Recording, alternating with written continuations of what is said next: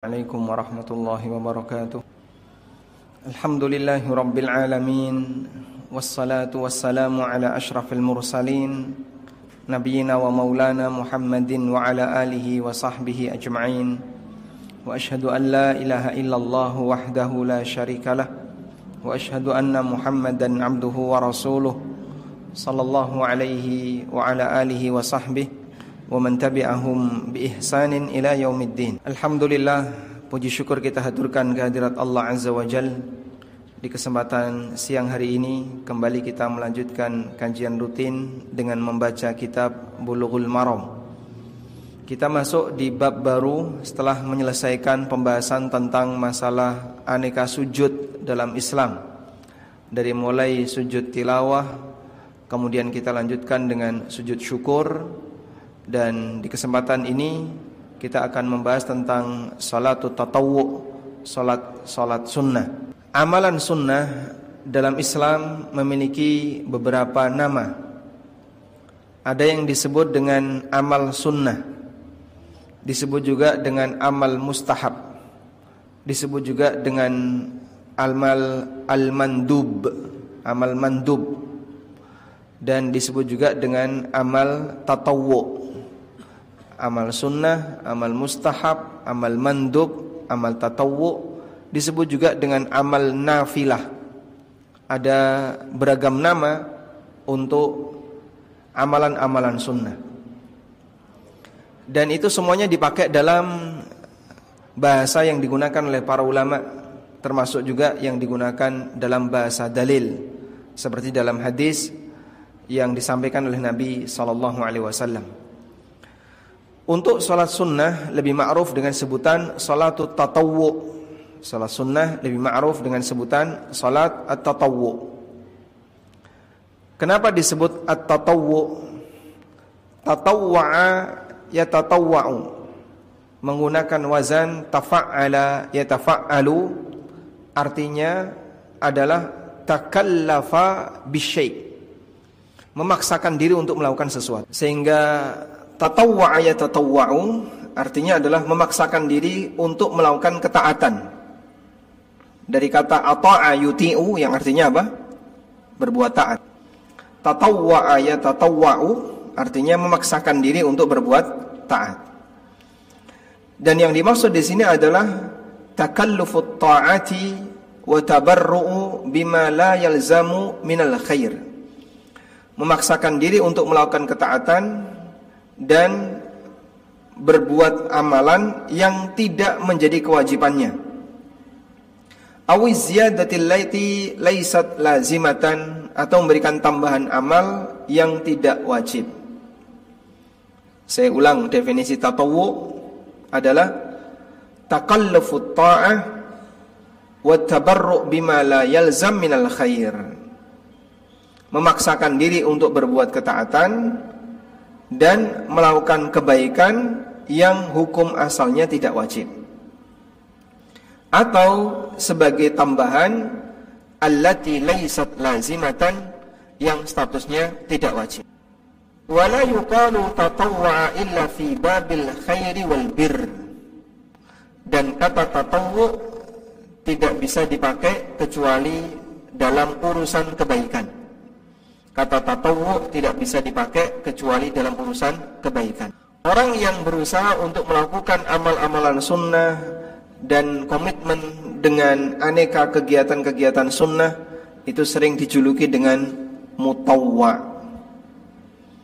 Sebutan di Saudi atau di daerah sekitarnya kalau ada orang yang memelihara jenggot kemudian penampilannya penampilan baik, memakai pakaian muslim ke mana-mana. Maka orang sana sering nyebutnya mutawwa. Sering disebut dengan apa? Mutawwa. Nah, Ini berarti orang yang komitmen prinsip agama. Karena tidak semua orang seperti itu. Yang jenggotnya klimis juga banyak. Dan bahkan bisa jadi dominan lelaki yang ada di sana Banyak yang mencukur jenggot. Nah, Ketika ada orang yang dia melihara jenggot itu digelari dengan apa? Mutawwa. Karena dia komitmen dengan amal tatawwu. Baik. Kemudian salat tatawwu artinya salat sunnah. Dan kalau kita berikan rincian pembagian mengenai salat sunnah, maka kita bisa bagi salat sunnah itu menjadi dua. Salat tatawwu ada dua. Yang pertama adalah salat tatawwu yang memiliki sebab. Yang kedua, salat tatawwu yang dilakukan tanpa sebab.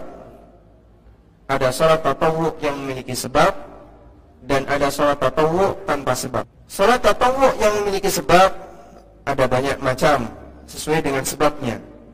Seperti tahiyatul masjid, kemudian salat yang dikerjakan ketika selesai sholat wajib atau yang disebut dengan sholat rawatib.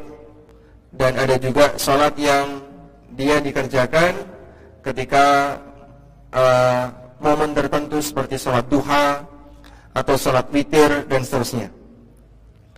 Dan ada sholat tatawu yang tanpa sebab. Untuk jenis yang kedua sholat tatawu tanpa sebab disebut juga dengan sholat mutlak orang melaksanakannya murni karena keinginan pribadinya meskipun tidak ada sebab apa pun. Sehingga orang sholat itu tidak dilarang dalam Islam selama tidak dilakukan di waktu dan tempat yang terlarang.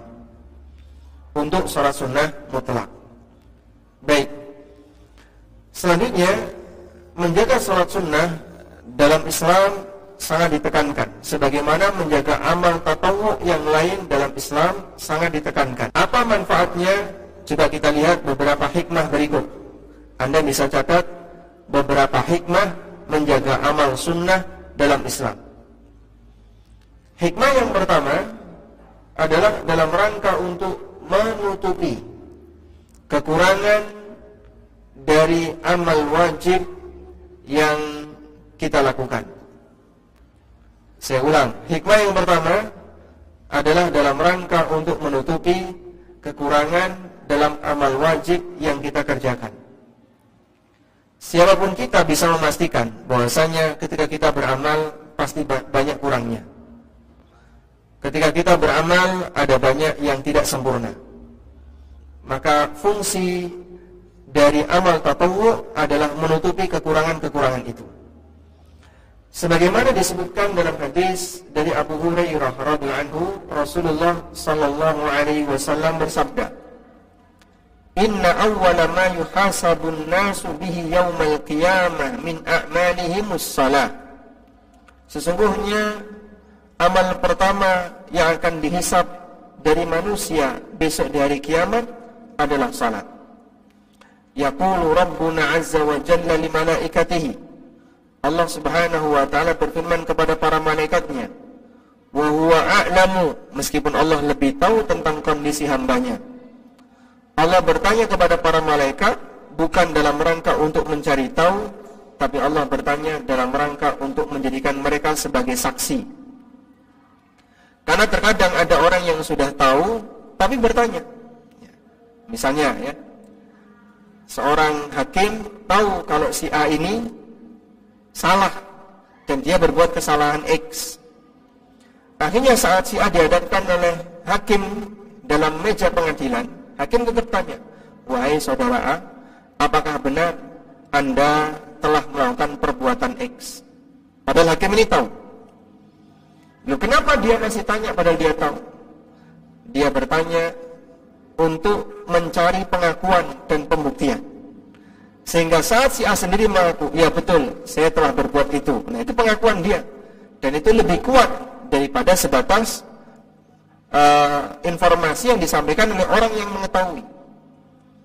Maka keberadaan saksi, terkadang dia bicara meskipun sudah diketahui oleh pihak pengadilan, tapi saksi punya hak untuk menyampaikan. Dalam rangka sebagai apa? Saksi. Allah bertanya kepada malaikat, bukan karena Allah ingin tahu tapi karena malaikat sebagai saksi. Allah jadikan mereka sebagai saksi. Yaqulu Rabbuna azza wa jalla li malaikatihi wa huwa a'lam. Allah taala bertanya kepada para malaikatnya meskipun dia yang lebih tahu. Unduru fi salati abdi atammaha am naqasaha. Coba kamu perhatikan salat hambaku. Apakah dia menyempurnakannya ataukah masih ada yang kurang darinya? Kata Nabi sallallahu alaihi wasallam, "Fa in kanat tamatan kutibat lahu tamatan." Kalau amal wajibnya sempurna, salat wajibnya sempurna, maka akan dicatat untuknya pahala salat wajib yang sempurna. Wa in kana taqasa minha. Tapi kalau ada yang kurang, qala Allah berfirman kepada para malaikatnya, "Unduru hal li'abdi min tatawwu." Coba perhatikan. Apakah hambaku punya amal sunnah dari amal sunnah salat atau tidak? Fa in kana lahu tatawwu. Kalau kemudian hamba ini memiliki amal salat sunnah, qala Allah berfirman, "Atimmu li 'abdi fardatahu min tatawwuhi." Tolong tutupi sempurnakan amal wajib dari hambaku min tatawwuhi dengan menggunakan amal sunnahnya. Insyaallah kita bisa lihat di sini ya. Kekurangan dari amal wajib ditutupi oleh Allah Subhanahu wa taala dengan amal sunnah. Thumma tu'khadul a'malu ala dhakum. Lalu kata Nabi wasallam, kemudian semua amal diberlakukan seperti ini. Salat seperti ini cara hisapnya, puasa juga seperti ini cara hisapnya, zakat juga seperti ini cara hisapnya, demikian pula ibadah-ibadah yang lainnya. Karena itu kalau Bapak Ibu perhatikan, semua amal ibadah wajib pasti ada amal ibadah sunnah. Ada salat wajib, ada salat sunnah. Ada puasa wajib, puasa sunnah. Ada zakat wajib, zakat sunnah. Apa zakat sunnah? Apa zakat sunnah? sedekah. Ada haji wajib, ada haji sunnah. Apa itu haji sunnah? Haji selain yang pertama, pasca yang pertama. Haji yang pertama itu haji wajib, haji setelahnya adalah haji sunnah. Ada umrah wajib dan pendapat yang benar umrah hukumnya wajib. Dan ada umrah sunnah. Umrah pertama umrah wajib dan umrah setelahnya adalah umrah sunnah. Sebagaimana pula amal yang lain ada yang wajib dan ada yang sunnah fungsi yang sunnah anugerah bagi Allah untuk para hambanya agar kurangnya amal yang wajib tertutupi dengan bagian yang sunnah. Dan kita yakin kita sebagai makhluk yang lemah dalam beragama tentu kita meyakini ada banyak yang kurang dari amalan yang kita kerjakan. Karena itu tutupilah bagian yang kurang-kurang tadi dengan melaksanakan amal sunnah maka jangan remehkan amal sunnah. Karena itu setiap muslim dalam semua amal wajib iringi dengan amal sunnah. Anda zakat, iringi dengan sedekah. Anda salat, iringi dengan salat sunnah. Anda berbuat yang lain, iringi dengan amal sunnah yang lain. Agar amal yang wajib ini utuh dan tidak berkurang hisapnya kelak di yaumil akhir. Nah, dan hadis ini dalil apabila ada orang yang meninggalkan salat Orang yang meninggalkan sholat lalu tobat Apakah dia perlu mengkobak sholatnya jamaah? Misalnya dulu waktu SMA nggak pernah sholat Atau dulu ketika awal-awal kuliah sering bolong-bolong sholatnya. Subuh ketiduran Duhur kecapean Asar apa, kesorean. Dan hampir semua sholat lima waktu dia nggak sempat mengerjakan. Sehingga dia bolong-bolong sholatnya. Terus gimana yang kayak gini pak? Apakah setelah saya bertobat Saya harus mengkodok sholat-sholat yang saya tinggalkan dulu waktu saya SMA Atau dulu waktu awal-awal kuliah Kalau anda mengkodoknya sholat anda batal Sehingga misalnya Si A sholat duhur bersama imam Lalu dia teringat Dulu pernah meninggalkan sholat duhur Sekitar lima tahun yang lalu Kemudian dia sholat duhur yang kedua sebagai ganti dari sholat duhur lima tahun yang lalu. Kita kasih keterangan, kita kasih komentar, sholat duhur Anda ini di luar waktu. Seharusnya sholat duhur Anda ini dikerjakan lima tahun yang lalu, bukan sekarang. Jangankan sholat duhur yang lima tahun yang lalu. Sholat duhur kemarin kalau kerjakan sekarang, boleh nggak? Kemarin saya lupa sholat duhur, atau saya nggak ngerjain sholat duhur. Tak kerjain sekarang, boleh nggak? Gak boleh. Kenapa gak boleh? Ya bukan waktunya. Anda sholat di luar waktu. Seharusnya sholat duhur ini kemarin, bukan sekarang. Makanya pendapat yang kuat untuk orang yang meninggalkan sholat dengan sengaja, karena dulu belum bertobat, belum kenal Islam dengan baik, maka orang semacam ini tidak boleh kodok. Terus gimana Pak Ustadz cara melepaskan beban dosa karena saya telah meninggalkan banyak salat? Anda perbanyak salat sunnah. Sebanyak-banyaknya. Semoga salat sunnah sunnah yang kau kerjakan bisa menutupi salat wajib yang dulu kau tinggalkan. Sebab Islam menjadikan salat sunnah itu sebagai penambal dari amal yang yang wajib. Itu solusi yang lebih tepat dibandingkan mengerjakan sholat dengan cara kodok. Baik. Selanjutnya, hikmah yang kedua. Bagi orang yang mengerjakan sholat sunnah atau amal sunnah. Yang kedua adalah seorang muslim akan lebih dekat derajatnya di sisi Allah jika dia punya rutinitas amal sunnah. Sebagaimana disebutkan dalam hadis qudsi Nabi sallallahu alaihi wasallam bersabda, Allah berfirman, Yaqulu Allah tabaraka wa ta'ala, Allah taala berfirman, "Wa ma taqarraba ilayya 'abdi bi afdala mimma aftaradtuhu alaihi." Tidak ada ibadah yang dilakukan oleh hambaku yang lebih afdal melebihi ibadah yang aku wajibkan. Wala yazalu 'abdi yataqarrabu ilayya bin nawafil hatta uhibbah dan ada di antara hambaku yang rutin mengerjakan amal sunnah hatta uhibbahu sampai aku mencintainya.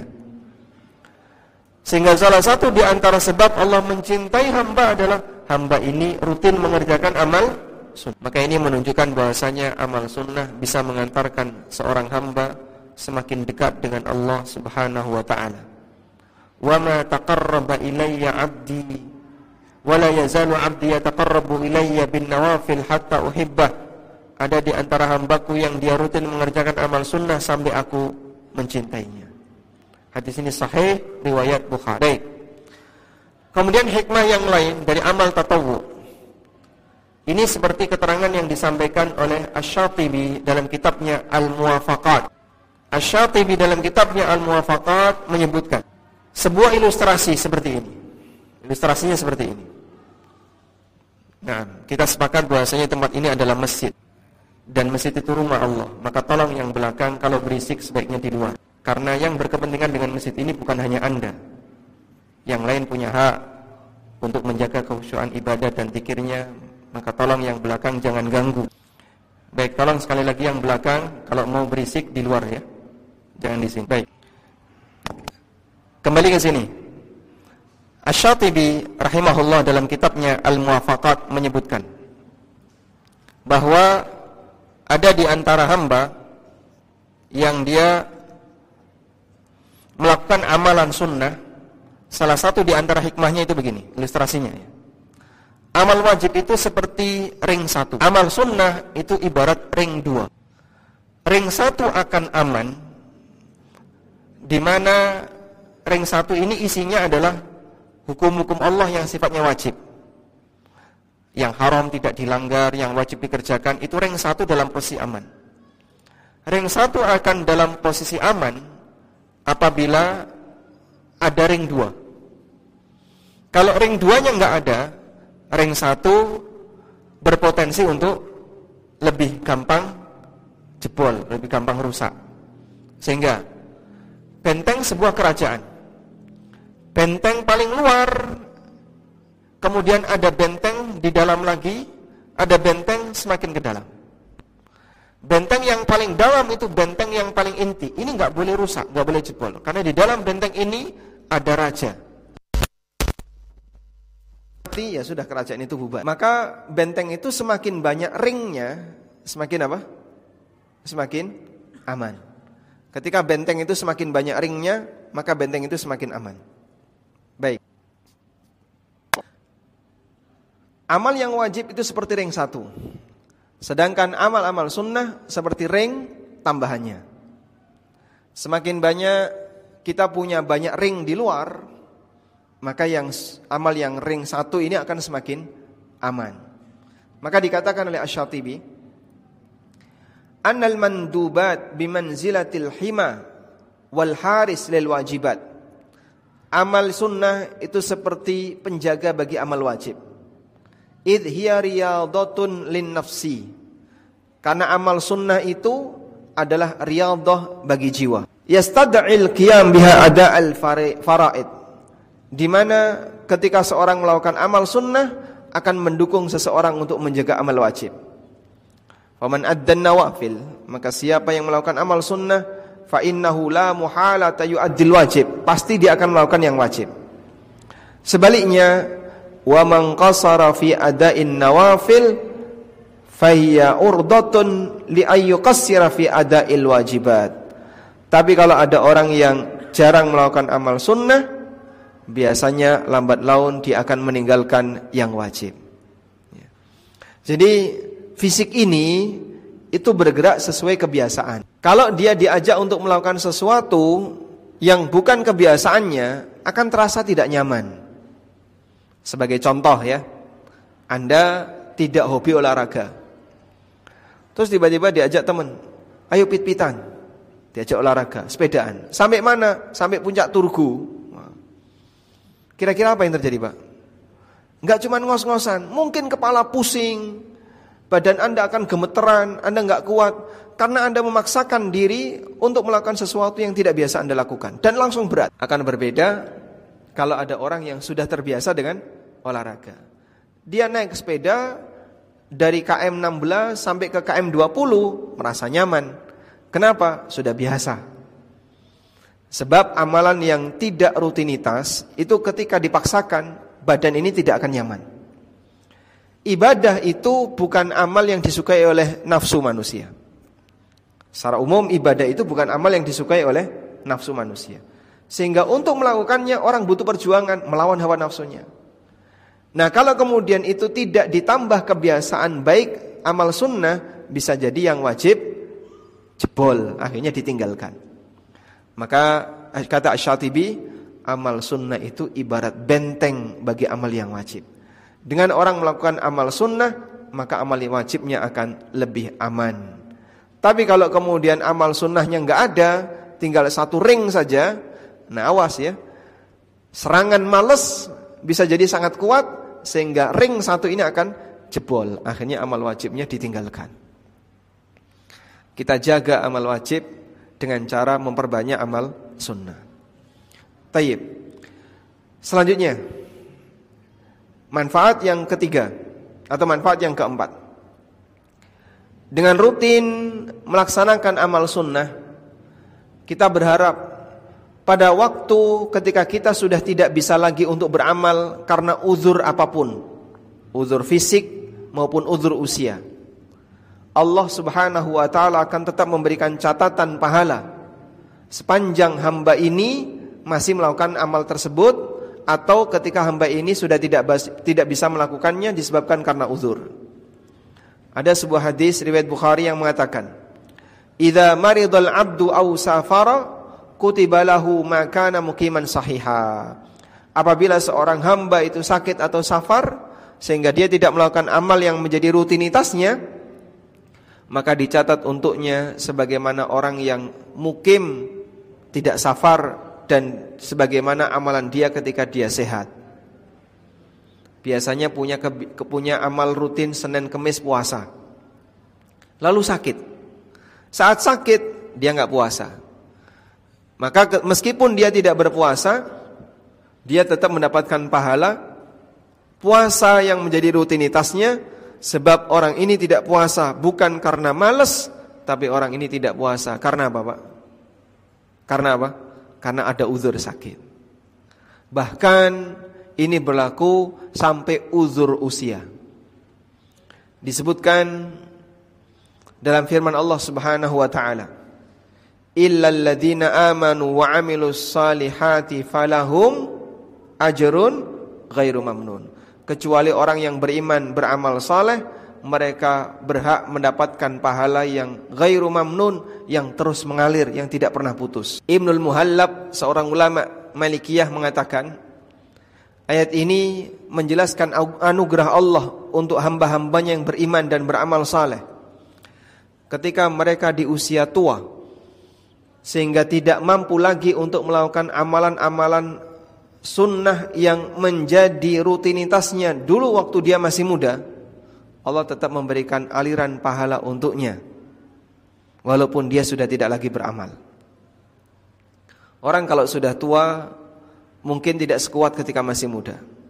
Arab kajian masjidnya di lantai dua. Tidak ada eskalator, nggak ada lift. Akhirnya gimana? Saya enggak, sudah nggak sanggup untuk naik ke lantai dua. Jadinya nggak bisa kajian. Tapi dulu waktu masih muda beliau rutin seperti itu. Maka catatan itu tidak putus. Sebab orang ini dia tidak beramal bukan karena malas tapi karena uzur usia. Atau mungkin ada di antara kita yang rajin puasa, lalu di usia tua kita sudah nggak bisa lagi berpuasa karena fisik nggak bisa diajak untuk berpuasa. Catatan itu nggak putus. Orang ini tetap mendapatkan pahala puasa walaupun dia tidak berpuasa. Karena dia tidak berpuasa bukan karena malas tapi karena uzur usia. Dan masih banyak yang lainnya.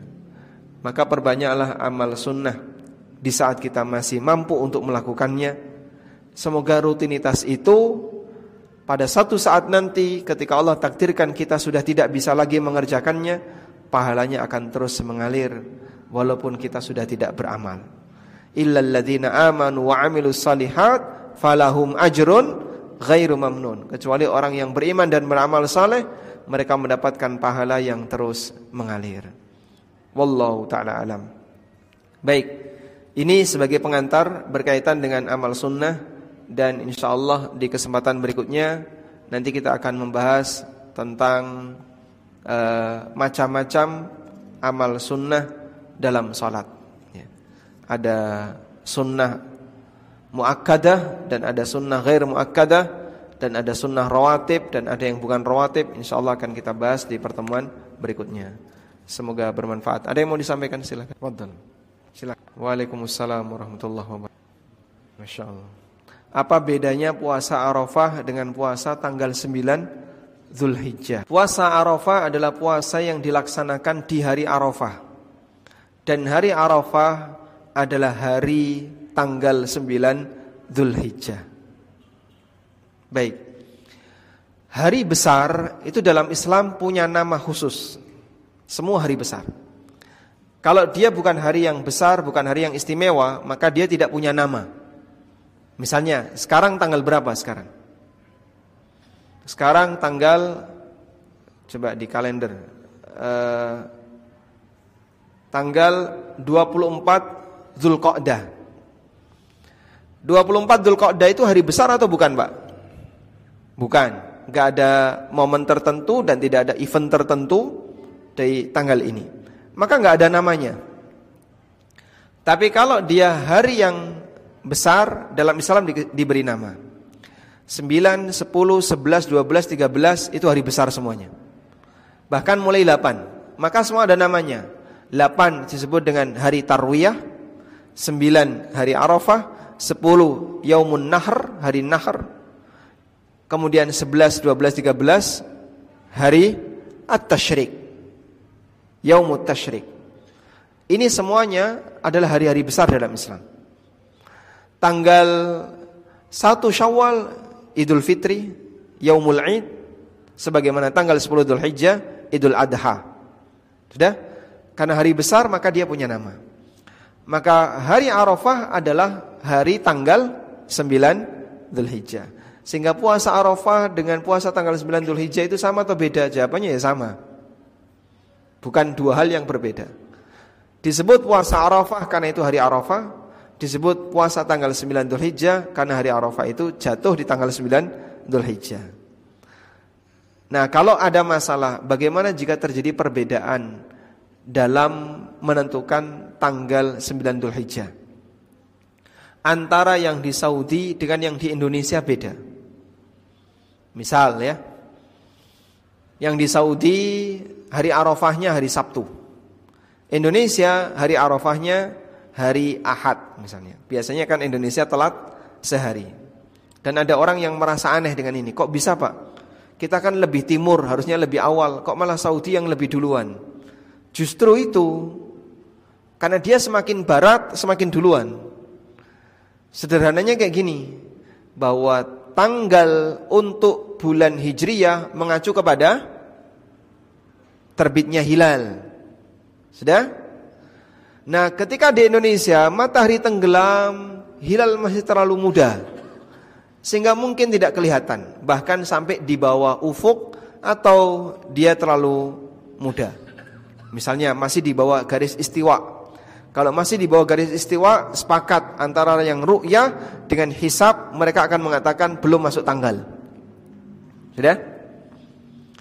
Lalu matahari geser sekian jam sampailah di Saudi.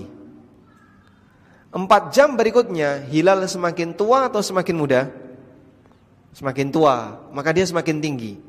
Sehingga di sana mungkin sudah lima atau enam derajat, di sini masih di bawah ufuk. Sangat mungkin itu terjadi. Maka di sana hilal kelihatan, di sini nggak kelihatan. Sehingga kenapa kok Saudi dan negara-negara di sekitarnya umumnya berhari raya lebih awal? Sebab di daerah sana hilalnya lebih awal kelihatan dibandingkan di Indonesia. Di sini mungkin terlalu rendah, di sana sudah agak tinggi. Baik. Lalu terjadilah perbedaan hilal. Terjadilah perbedaan tanggal 9 Zulhijjah. Yang di sana sudah Arafah, di sini masih tanggal 8. Pertanyaannya, Terus kita puasa ikut yang mana?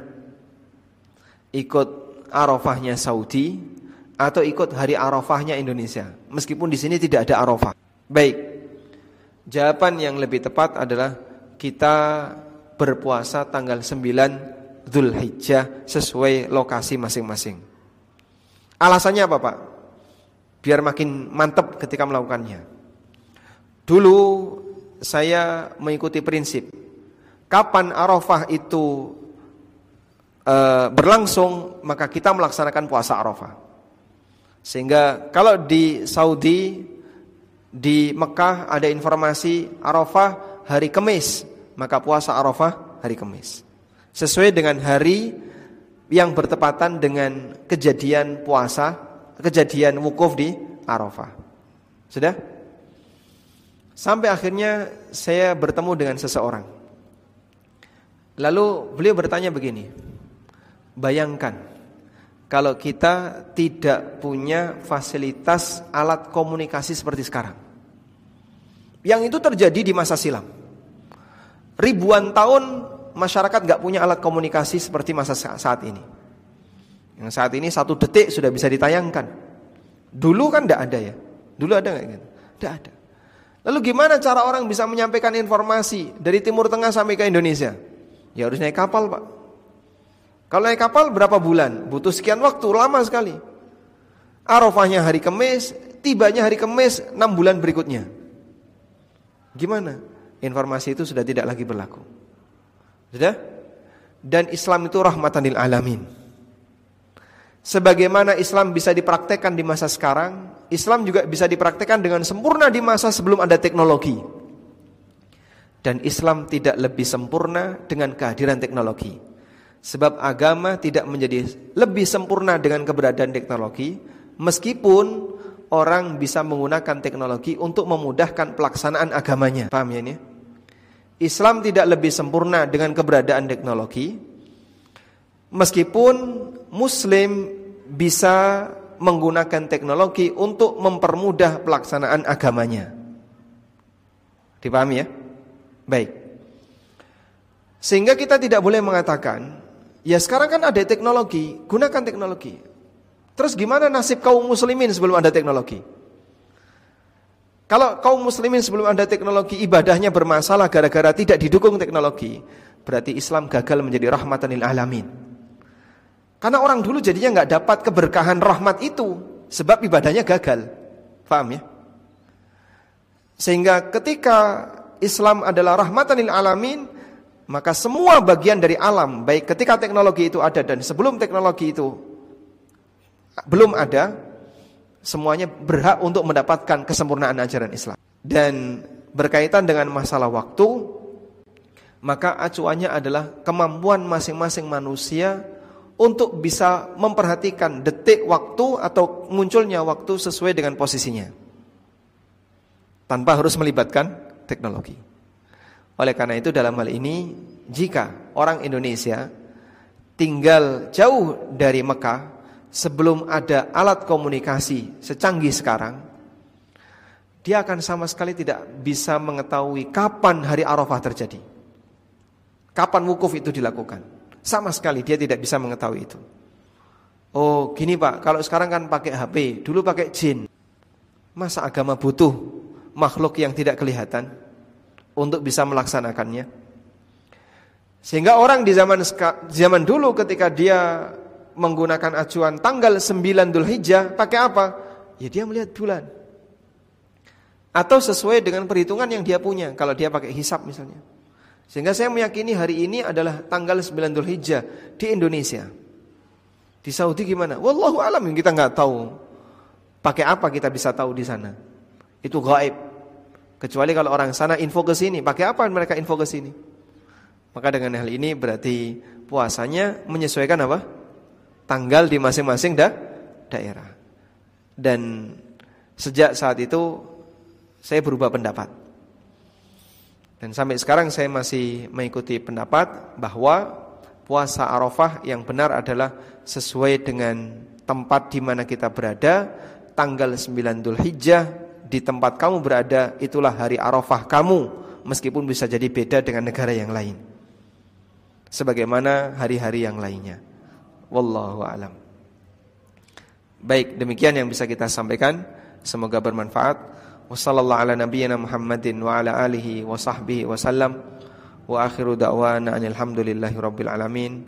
Subhanakallahumma wa bihamdika asyhadu an la ilaha illa anta astaghfiruka wa atubu ilaik. Wassalamualaikum warahmatullahi wabarakatuh.